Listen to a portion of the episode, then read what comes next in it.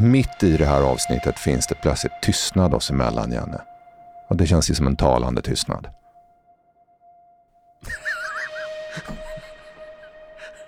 Jag tror att, jag förstår vart du vill komma, men jag tror att det är för, för vagt för den här grejen.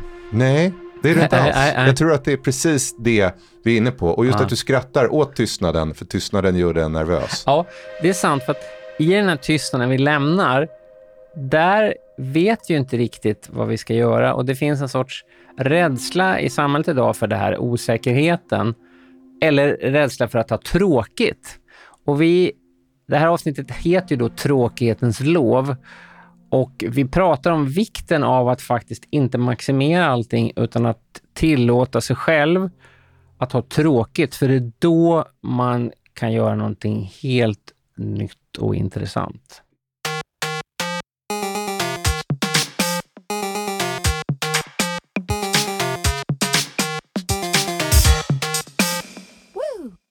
Välkommen till podden Gradvall Magnus. Detta är avsnitt sju. Med mig, Magnus Lindqvist, futurolog. Och Jan Gradvall, journalist. Det här avsnittet handlar om tråkighetens lov. Mm. Tråkighet har jag av naturliga skäl väldigt negativa associationer. Men vad vi ska prata om och analysera är att tråkighet är någonting bra. Ja, det kanske det är. Men jag träffade för några år sedan Indra Nooyi som var Pepsis vd. Och hon gjorde ett fantastiskt jobb på Pepsi, inte bara i termer av aktiekursen utan också att de stöpte om hela företaget från läsk och socker till lite mer hälsoinriktad profil. Och då frågade jag henne varför hon klev av Pepsi. Hon avgick efter, hon hade väl suttit där ett decennium och då sa hon, jag var rädd för att jag började bli uttråkad. Och då minns jag vad Jan Karlsson skrev i sin bok Rivpyramiderna, gamla SAS-chefen. Han var kvar alldeles för länge på SAS, sent 80, tidigt 90-tal. Och han blev uttråkad och började därför göra saker som var dåliga för företaget. Bland Just det, för att han tyckte att nu måste vi variera oss. Ja. för att han vill ha variation. Mm. Så, så det kanske finns bra saker i tråkighet, men, men det har dåliga konnotationer och, och är dåligt och destruktivt för många. Mm. Precis, man får nästan särskilja där för att tråkighet i bemärkelsen jag har ingenting att göra, jag måste hitta på någonting kan ju vara väldigt bra för kreativitet. Men tråkighet, jag måste förändra någonting för sakens skull, är ju då förödande. Så att det, det är en viktig distinktion. Det finns en studie av det här undersökningsinstitutet Pew om varför människor använder smartphone och då uppgav 77 procent, alltså över tre fjärdedelar, att det, den viktigaste funktionen smartphonen eh, hade i deras liv, det var att undvika att bli uttråkad. Man brukar ibland prata om att smartphonen är den nya cigaretten när man behöver en paus och fippla med fingrarna och bara fokusera på någonting annat än ledan. Så brukade man röka en cigg och nu pillar man med sin smartphone. Vilket för övrigt för mig till en berättelse om Justin Biebers kalas uppe i Hollywood Hills. Um, det här var några år sedan. Justin Bieber bjuder på kalas. En kompis dotter var inbjuden dit och då var man tvungen att lämna ifrån sig alla smartphones i entrén. Troligtvis för att inte hålla på att dokumentera någonting.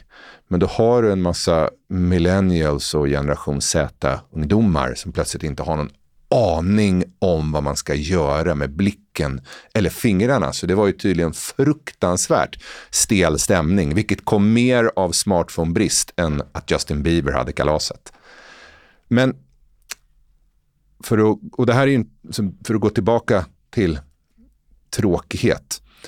Pascal, filosofen, sa att alla mänskliga problem kommer från människans oförmåga att sitta tyst i ett rum helt ensam. Men det är där du hävdar då att där kan du också föda saker. Ja, jag tror att ofta i efterhand så vill man få det till, man hittar andra drivkrafter till att folk har gjort någonting. Jag bara tänkte på vikingar till exempel då, att de var nyfikna, de var ärelystna, men de kanske egentligen var bara otroligt uttråkade. det är för tråkigt här i Norden, vi måste hitta på någonting. Alltså drar vi runt och upptäcker och plundrar. Eller jag tänkte på punken. Hela punkrörelsen har präglat mig väldigt mycket för att jag började göra en egen punktidning när jag var 16. Eh, det var en kreativ boom på så sätt att det var en sån här gör det själv-rörelse, att do it yourself var mantrat. Då var det väldigt mycket när punken dök upp i media så var det så att det här är ett tecken på att samhället är i förfall. De här ungdomarna har sin ilska, de vill förändra detta. Men jag tror faktiskt att det avgörande som förlöste punken var tråkighet. Folk var så fruktansvärt uttråkade. Buzzcocks har gjort den bästa punklåten, med en låt som heter Boredom, som fångar allt det här. Och jag läste också bisarrt många biografier av gamla ex-punkare. Det är min form av korsord. Jag vet precis vad som jag kommer få de här biografierna och ändå läser jag dem. Om man ska läsa en biografi av en ex-punkare så är det eh, gitarristen i Slits som heter Viv Albertine. Hon kan skriva också. Men hon påminner om en sak. Dels den här beskrivningen, den här enorma tråkigheten i England på 70-talet. Och ingen hade ju telefoner heller. Det har vi glömt. I Sverige hade ju faktiskt de flesta en telefon hemma. Det hade man inte i England på 70-talet. Man kanske hade en telefon i korridoren om man bodde i flera lägenheter, en enda. Eller att man gick ut i telefonkiosken. Så att det var väldigt svårt att kommunicera inbördes. Och ändå lyckades folk då samlas i replokalerna och göra saker. De hade ett band med Sid Vicious till exempel som ändå, Sid Vicious stod faktiskt upp i replokalen av en enda orsak. Man kunde inte avboka detta i sista minuten, för hade man sagt på tisdagen vi ska repa imorgon klockan fem, så kunde man inte nå de andra, utan man var liksom tvungen att infinna sig där klockan fem. Men någonstans under det här, under punken så finns en enorm tråkighet som förlöste den här kreativa explosionen. Det är också så, Storbritannien 70-tal är ju ett ekonomiskt haveri massarbetslöshet. Man hade ju 30 gloriösa år efter andra världskriget där man kunde bygga och skapa. Men sen 70-talet tog det slut med oljekraschen med mera. Så det, det är ju även, det är inte bara att oförmågan att ha telefoner och, och, och, och tråkigt. Det är liksom ett, ett, ett, lite eländigt, fattigt, stagnerat land som skapar en kuliss som är väldigt tråkig tänker på Iggy Pop citat i Some Weird Sin.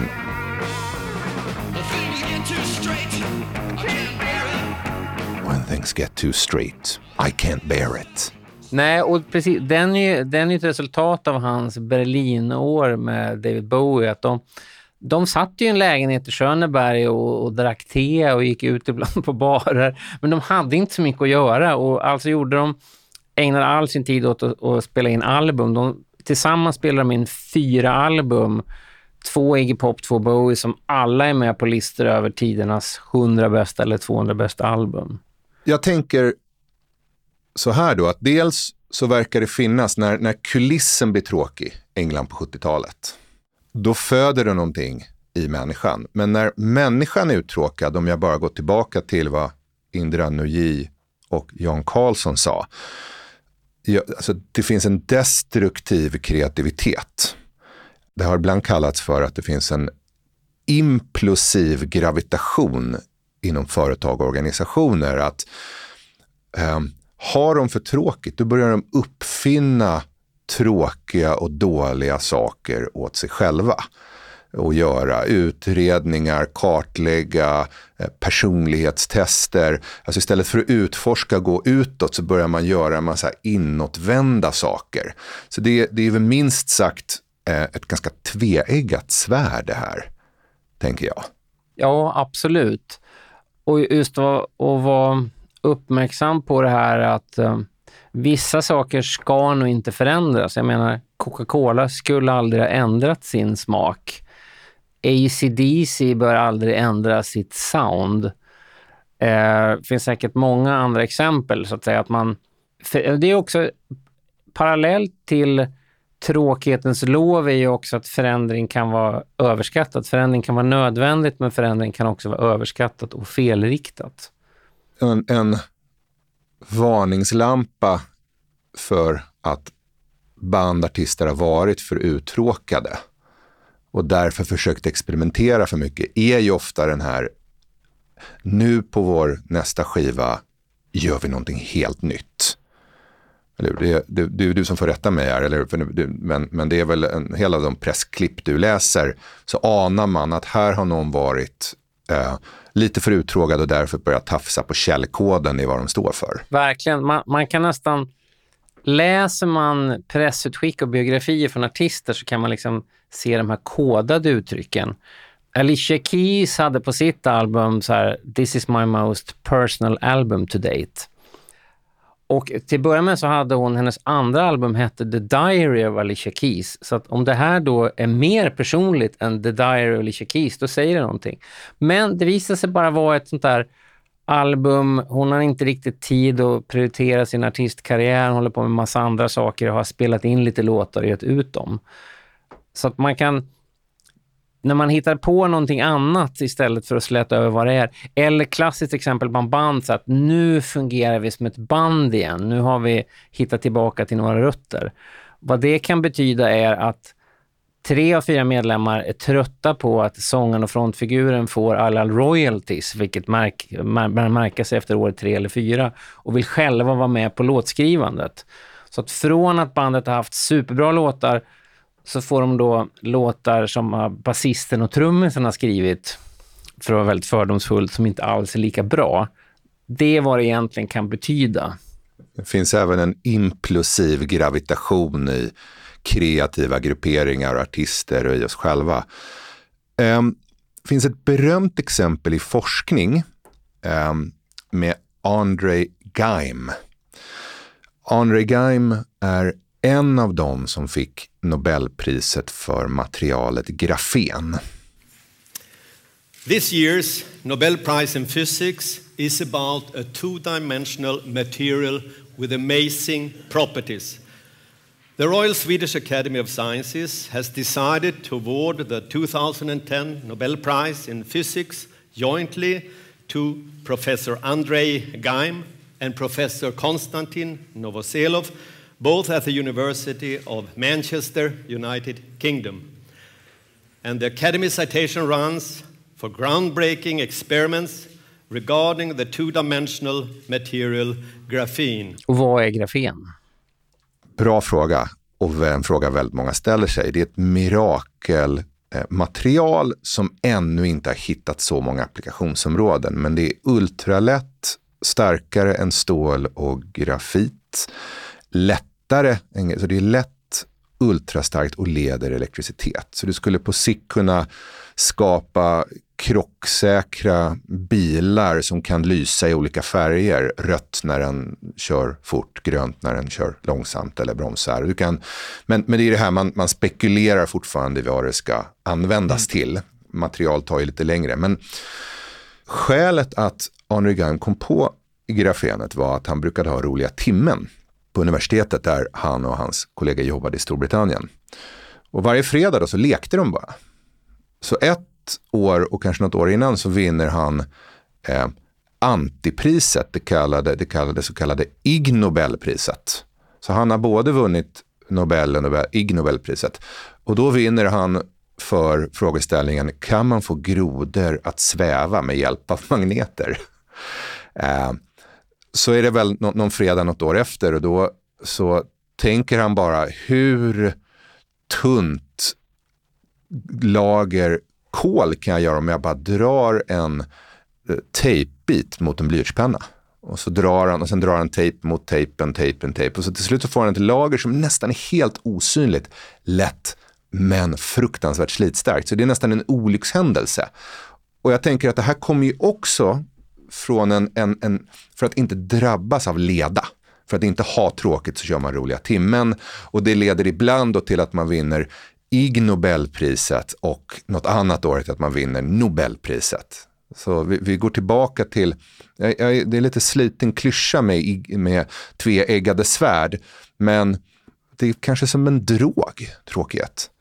Lite droger är kanske bra väldigt mycket droger är garanterat dåligt. jag tror inte man i skolan idag har roliga timmen längre. Det var ju någonting som fanns när vi gick i skolan. Men nu med tanke på den här att det är för mycket stimulans, det finns för mycket rolighet tillgänglig, så kanske man borde ha oroliga timmen eller icke-roliga timmen som förmodligen blir då oroliga timmen. Men jag tänkte på en amerikansk konstkritiker som heter Jerry Saltz Eh, fick Pulitzerpriset i kritik för några år sedan. Han har skrivit jättebra saker om kreativitet och sånt. Och han, han har sagt i sin bok om just skapande säger han “There are no wasted days”. Och förklaringen till det är att han citerar en målare som säger “A bad day is a good day because a bad day is when you're trying to take it to a different level”. Det vill säga att om man bara har bra dagar, roliga dagar, så kanske du inte hittar de här, du höjer en nivå. Det är de här tråkiga dagarna, de förspillda dagarna som tvingar dig att göra någonting annat. Och som jag sagt kan det bero, eller leda till någonting dåligt, men det är också då man kan man tvingas hitta på någonting. Jag tror att jag känner igen den här punk, um, varför man blev intresserad av punk, för jag tyckte också att det var hade så otroligt många tråkiga dagar när jag växte upp. Tråkiga bussresor, man satt inte i stan 35 minuter och liksom stirrade ut på, på träd i Linköping och det fanns inga smartphones, fanns inte ens Walkman. Och i den tråkigheten så föddes min längtan efter att skapa och göra någonting. Men du, du sa ett viktigt ord där som var ge upp. Alltså den här den oroliga timmen, den dåliga dagen eller den icke-stimulerande dagen. Jag, jag, får två associationer. Um, på 1990-talet så bjöd konsultfirman McKinsey in Jonas Åkerlund som då var omhuldad och upphöjd um, musikvideoregissör och reklamfilmsregissör. Och han kommer in i så svart läder och solglasögon. Och McKinsey är ju kända för att kunna rekrytera de the best and the brightest från diverse tekniska högskolor och handelshögskolor i världen. Så det är väldigt, väldigt smarta människor. Och då pratade han om hur han kunde få kunna göra Ray of Light-videon till Madonna som blev väldigt prisbelönt och sedd och skapa en liten pånyttfödelse. Ja, en video kan man säga för de som inte sett med fruktansvärt många klipp. Det, man har aldrig sett en video som har så många klipp att bildfragmenten bara dyker upp, inte ens en sekund långa, men oerhört korta och så blir det en slags collage eller mosaik, bara som en förklaring hur den videon ser ut. Han pratade då, för då kommer han in i det här rummet, det sitter en massa smarta eh, kostym och dräktklädda eh, män och kvinnor som är väldigt, väldigt smarta och begåvade och alltid har fått bra betyg. Och så säger han, ah, jag blev inte bra förrän jag inte orkade vara smart längre. Jag försökte alltid göra smarta grejer och smarta videos, men det var när jag ger upp. Så jag sa till Madonna, jag vill att du klär dig som en Ekerö-raggare. I så här jeansklädd. Och så bara körde han. Där blev det förlösande. Det finns en annan, eh, den här hitten Whole Again av Atomic Kitten, som var en superhit på, på, eh, för några år sedan skriven av Stuart McCluskey i OMD som har harvat i 20 år med ett synt-popband eh, men aldrig nått de riktigt stora listframgångarna. Aldrig fått en listetta. Ger upp kanske är starkt, men han, han säger, nej men ja, nu gör jag något för någon annan. Jag lämnar, jag håller inte på att liksom hamra på samma stubbe. Och Atomic Kitten skapar då den första listettan med något han har skrivit.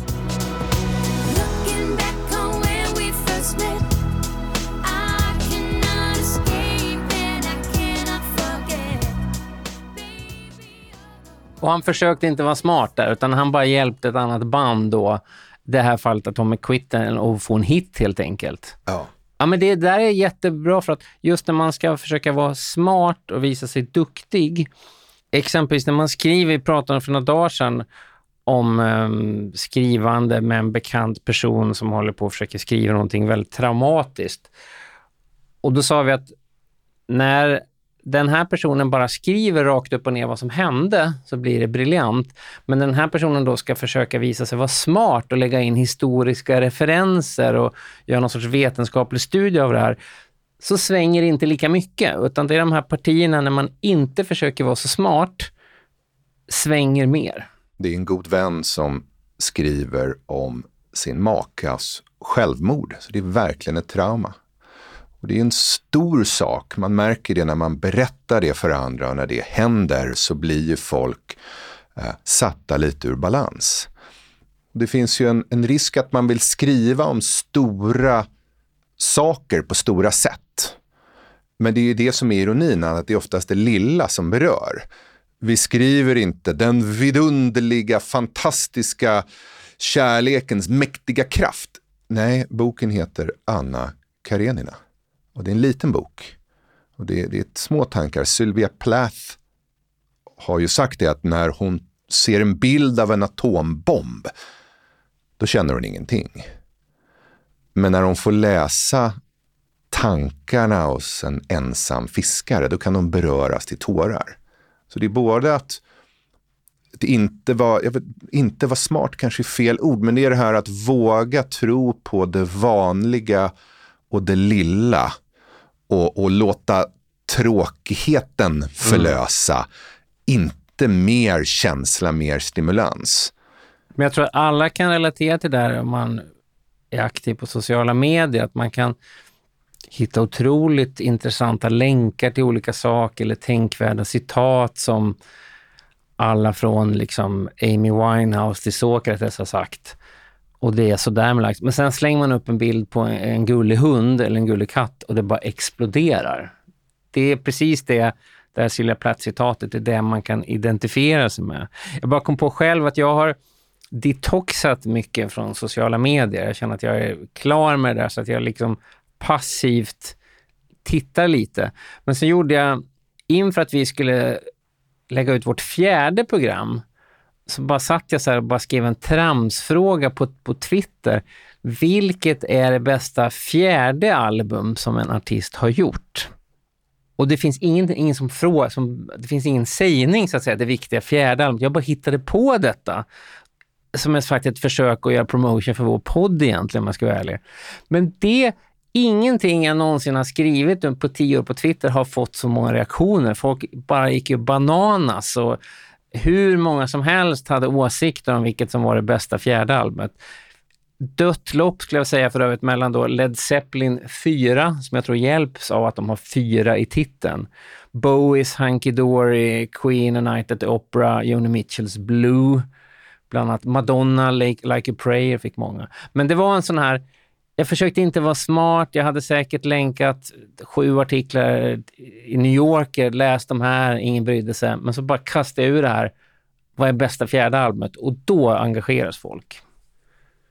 Med risk för att eh, avslöja min, min barnsliga och klyschiga förtjusning för U2, men The Edge ligger i skilsmässa.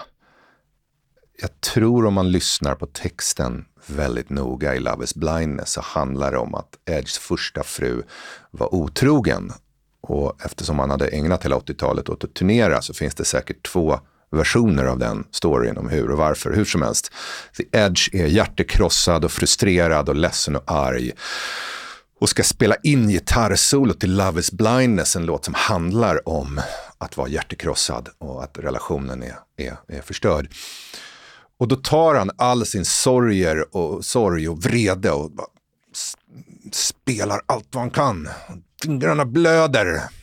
Men det vet inte Daniel Danois som sitter och proddar här. Så när Edge kommer in för att lyssna på hur det blev så säger bara Daniel Danois, oh, ah, That's not it, is it Edge? Och som The Edge själv sa, det var riktigt dåligt. Det var uselt. Och lyssnar man på hur gitarrsolt faktiskt blev, det är verkligen ungefär som din fråga där på mm, Twitter. Mm. Det är ingenting, han, han rör knappt, han, han, det är lite monotont och det är...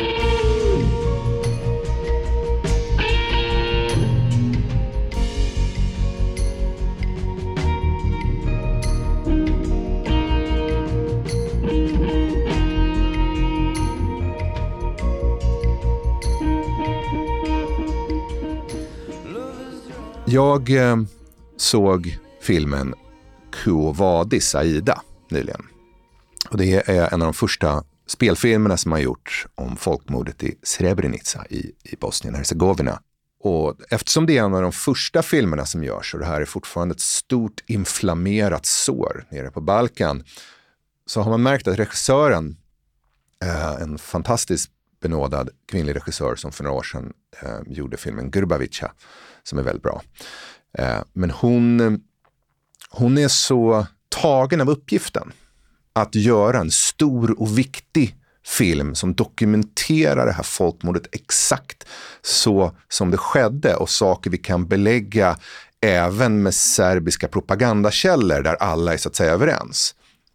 Och så kan man jämföra den med, med Spielbergs Schindler's list som också handlar om ett gigantiskt folkmord. Men, men den filmen har dels en massa lite dråpliga humoristiska scener. Man kan hävda att den handlar mer om de som inte dör eh, än de som faktiskt dör. Eh, och framförallt, den heter inte Auschwitz. Den heter Schindlers list och handlar alltså om en nazist som bara råkar göra någonting bra. Så, så även i, och, och, och det här tror jag är motvallstänkande, mm, mm. att man tror det här är viktigt och stort, alltså ska vi göra viktigt och mm. stort, men, men istället våga, och framförallt med sådana här riktigt känsliga ämnen då som folkmord, våga göra någonting som lättar upp, som är lite annorlunda. Exakt, för att utgångspunkten utan att ha sett den här Srebrenica-filmen, den, såg du den när du var i Sarajevo nyligen? Ja. Eller, ja. För den går inte att se än här, tror jag inte, men den kommer säkert. Men det är ju utgångspunkten, vi ska göra något stort och viktigt. Och i ena fallet så är det då, det har även blivit sättet man genomför det på. Det stora och viktiga har genomsyrat varje bildruta.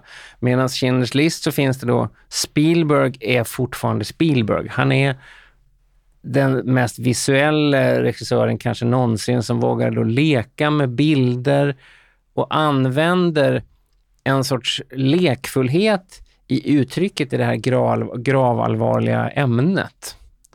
Eh, och det, det är lite samma som den, din lysande Dedge-liknelse där, när han skulle liksom få in allting i gitarrsolot. Det går inte in riktigt, men däremot tar han bokstavligt ett kliv tillbaka och bara spelar ett bra gitarrsolo så kommer lyssnarna lägga in de här känslorna själva, för man förstår ändå man förstår inte detaljer, men lyssnar man på Love is blindness så förstår man att det här är en låt från någon som har upplevt smärta. Och det är väl också så, det har jag lärt mig från föreläsningar, om jag står som föreläsare och är väldigt arg, då känner ju inte människor i publiken, jag är arg. Alltså, de känner vrede. De känner bara vilken jävla osoft, märklig, eh, konstig, galen person som står där på scen.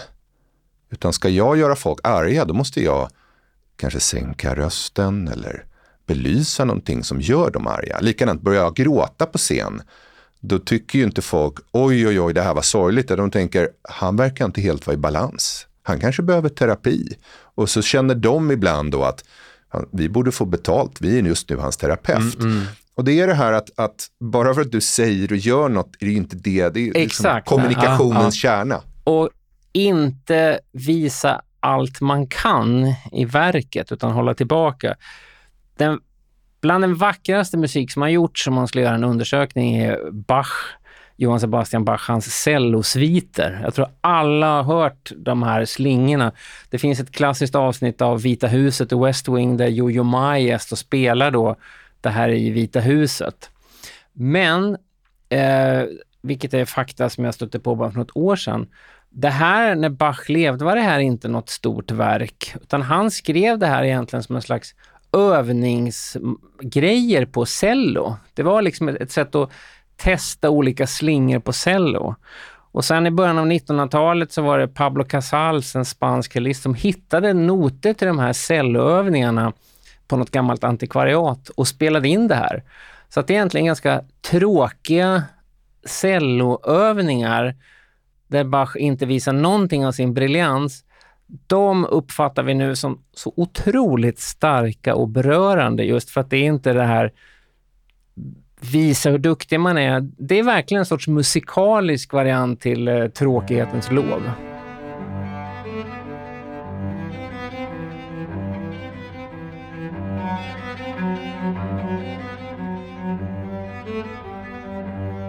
Det jag tycker, det är det Pablo Casal, han som hittar det här då, och, och transkriberar det, belyser, det är något djupt mänskligt.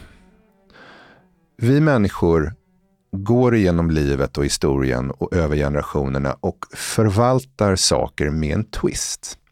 Det är väldigt sällan revolutioner lyckas. Det är väldigt sällan blir avbrott och jordens undergång inträffar aldrig. Men däremot så är det samma sak som lite så här remixas. Jag eh, tänker på en sak som hände för några år sedan när mina barn var små. Då berättade eh, jag en saga för dem och så hade de eh, några kompisar på besök. Eh, och vi bodde då i utomlands, så det här var en saga som berättades på engelska. Och det var, de var väldigt små, så det var en så ganska basal, det, det, var liksom en råtta som började jaga en katt, lite Tom och Jerry, men, men katten eh, escaped through the cat flap. Hittade du bara på det här alltså? Freestylade ja, lite grann. Sen hörde jag en av eleverna, inte mina barn, men i, i klassen återberätta den här. För jag hade ju gjort så här ljudeffekter och lite så här kul och lite Tom och Jerry liknande. Men den här flickan då sa And then the cat flapped its wings and flew away. Så bara genom att liksom remixa ordet flapp från kattlucka till att flaxa så är det en helt ny story. Det går ett rykte, jag tror tyvärr att det är fake news, men låt oss, låt oss tänka att det kan vara sant. Att Askungen har egentligen inte alls glasskor, vilket är väldigt märkligt. Jag menar, det har inte gjort skor av glas, utan de var pälsskor, fur. Så när den här då traderades från fur till franska språket fär betyder glas så var det någon som remixade. Det är också så, det blir en mer dramatisk story om Askungen har glasskor Verkligen. och prinsen är någon slags pälstoffla. Men, men, bara, men det, det, är inte helt belagt att det är så och det skulle nog också vara ganska svårt i och med att det här är en uråldrig traderad saga. Eh, men, men det är ju sådär, vi, vi människor, vi, vi, vi blir uttråkade, vi känner, vi gör och, och försöker. Men det är plötsligt när vi inte försöker och vi lekte lite och vi, vi, lite, vi twistade, vi bara remixade. Eh, som någonting som vi öppnade en portal till någonting, till någonting helt annat. Och det är också just det där remixandet som du sa nu. Där är ju så historier blir bra. Så din historia om Askungen är ju den bästa historien, så att säga. Så att det där med pälsko och glassko, nu bestämmer vi att det är den som gäller. För så har man alltid gjort historiskt sett, att man twistar lite på historierna. Man kan kanske kolla på mm, Jesus till exempel. Det är nu historiskt belagt att Jesus fanns, det är ingen som ifrågasätter det. Däremot kan man ju verkligen ifrågasätta vad exakt gjorde han för underverk då? Jag tycker det spelar egentligen ingen roll för att det är hans, eh, hans tankar som är de intressanta. Men det går ju lättare att sälja in Jesus till kommande generationer om man twistar det lite som din historia där att helt plötsligt så flyger musen iväg. Att man bokstavligen ger vingar till den här historien om Jesus. Ja, det blir ju viskningsleken är väl den bästa metaforen. Att man traderar saker vidare men lägger till och drar ifrån. Och jag tror även, vet ni, jag har lyssnat på väldigt duktiga eh, företagsledare. Så är det ofta det de pratar om. Vikten av att inte göra revolution, vara disruptiv, utmana allting, utan tvärtom förvalta saker och lämna det lite bättre för den som tar över härnäst. Och, och jag tror att eh, likadant kan man kanske prata om arkitektur. Jag bor ju i en förort där det finns en väldigt stor förkärlek för att renovera, bygga till och dra ifrån. Vilket gör att förorten ser ut som skit, ärligt talat. Och det tror jag folk överskattar, liksom sin egen kreativitetslust. Eh, istället för att förstå det här att nej, men lämna det lite tråkigt kvar fast lite bättre till nästa. Istället för att riva ut allt, dra ut allt och bygga en sån här, eh, briljant ord för övrigt, baltfunklåda med svart kök eller vitt kök i. Eh, David Eagleman som är en hjärnforskare, han eh, pratar om att en av de viktigaste dimensionerna att förstå kring den mänskliga hjärnan avseende kreativitet, det är att den är rastlös. Så det finns ingen slutdestination. Det finns ingen perfektion, det finns inget tillstånd vi uppnår och bara ah, vi är klara. Utan den är konstant rastlös och vill hitta nya och vända och det vet vi ju Oavsett om det handlar om favoritmaträtt, favoritfärg, gårdagens mest briljanta låt som jag inte kunde få nog av och så går den och man bara Åh. Man kan inte känna igen sig i det och hjärnan har flyttat vidare till något annat. Har vi något tips Janne? Tråkighetens lov. Ett tips tror jag är att man ska inte försöka maximera allting, utan man ska lämna de här icke-roliga timmarna eller icke icke-inrutade dagarna, så att säga. Att man ska, man ska lämna plats för eh, tråkighet att uppstå. Det är också med barn, till exempel, att, att låta barn ha tråkigt ibland är jättebra, tror jag. Man behöver inte pricka in sig aktiviteter varje eftermiddag och det ska spelas cello eller dansas ballett oavbrutet, utan ett barn som sitter i sitt rum och har tråkigt kommer utvecklas också. Kanske mer än att kastas in i en sorts övning då. Det tycker jag är klokt, den här att göra ett verb att ingentinga. Ingenting tid, att ingentinga. Sen tänker jag också på den här dubbelheten i. Vi nämnde André Gaimo som vann både Nobel och antinobelpriset. Eh, den brittiska skulptrisen Rachel Whitered. Hon är också så här, hon har vunnit Turnerpriset, men vann i princip samma år det som kallas för the anti-Turner Prize, för att hon var den verkligen värsta, sämsta konstnären. Och jag tror att den här paradoxala kärnan i saker, i att ha tråkigt, i ingenting, i mästerverk och fiasko, där den som vi har vidrört i mm. tidigare avsnitt, där det finns någonting, en låga där som, som är viktig att ta vara på. Till exempel med att inte fylla sin egen eller sina barns kalendrar med en jäkla massa saker hela tiden.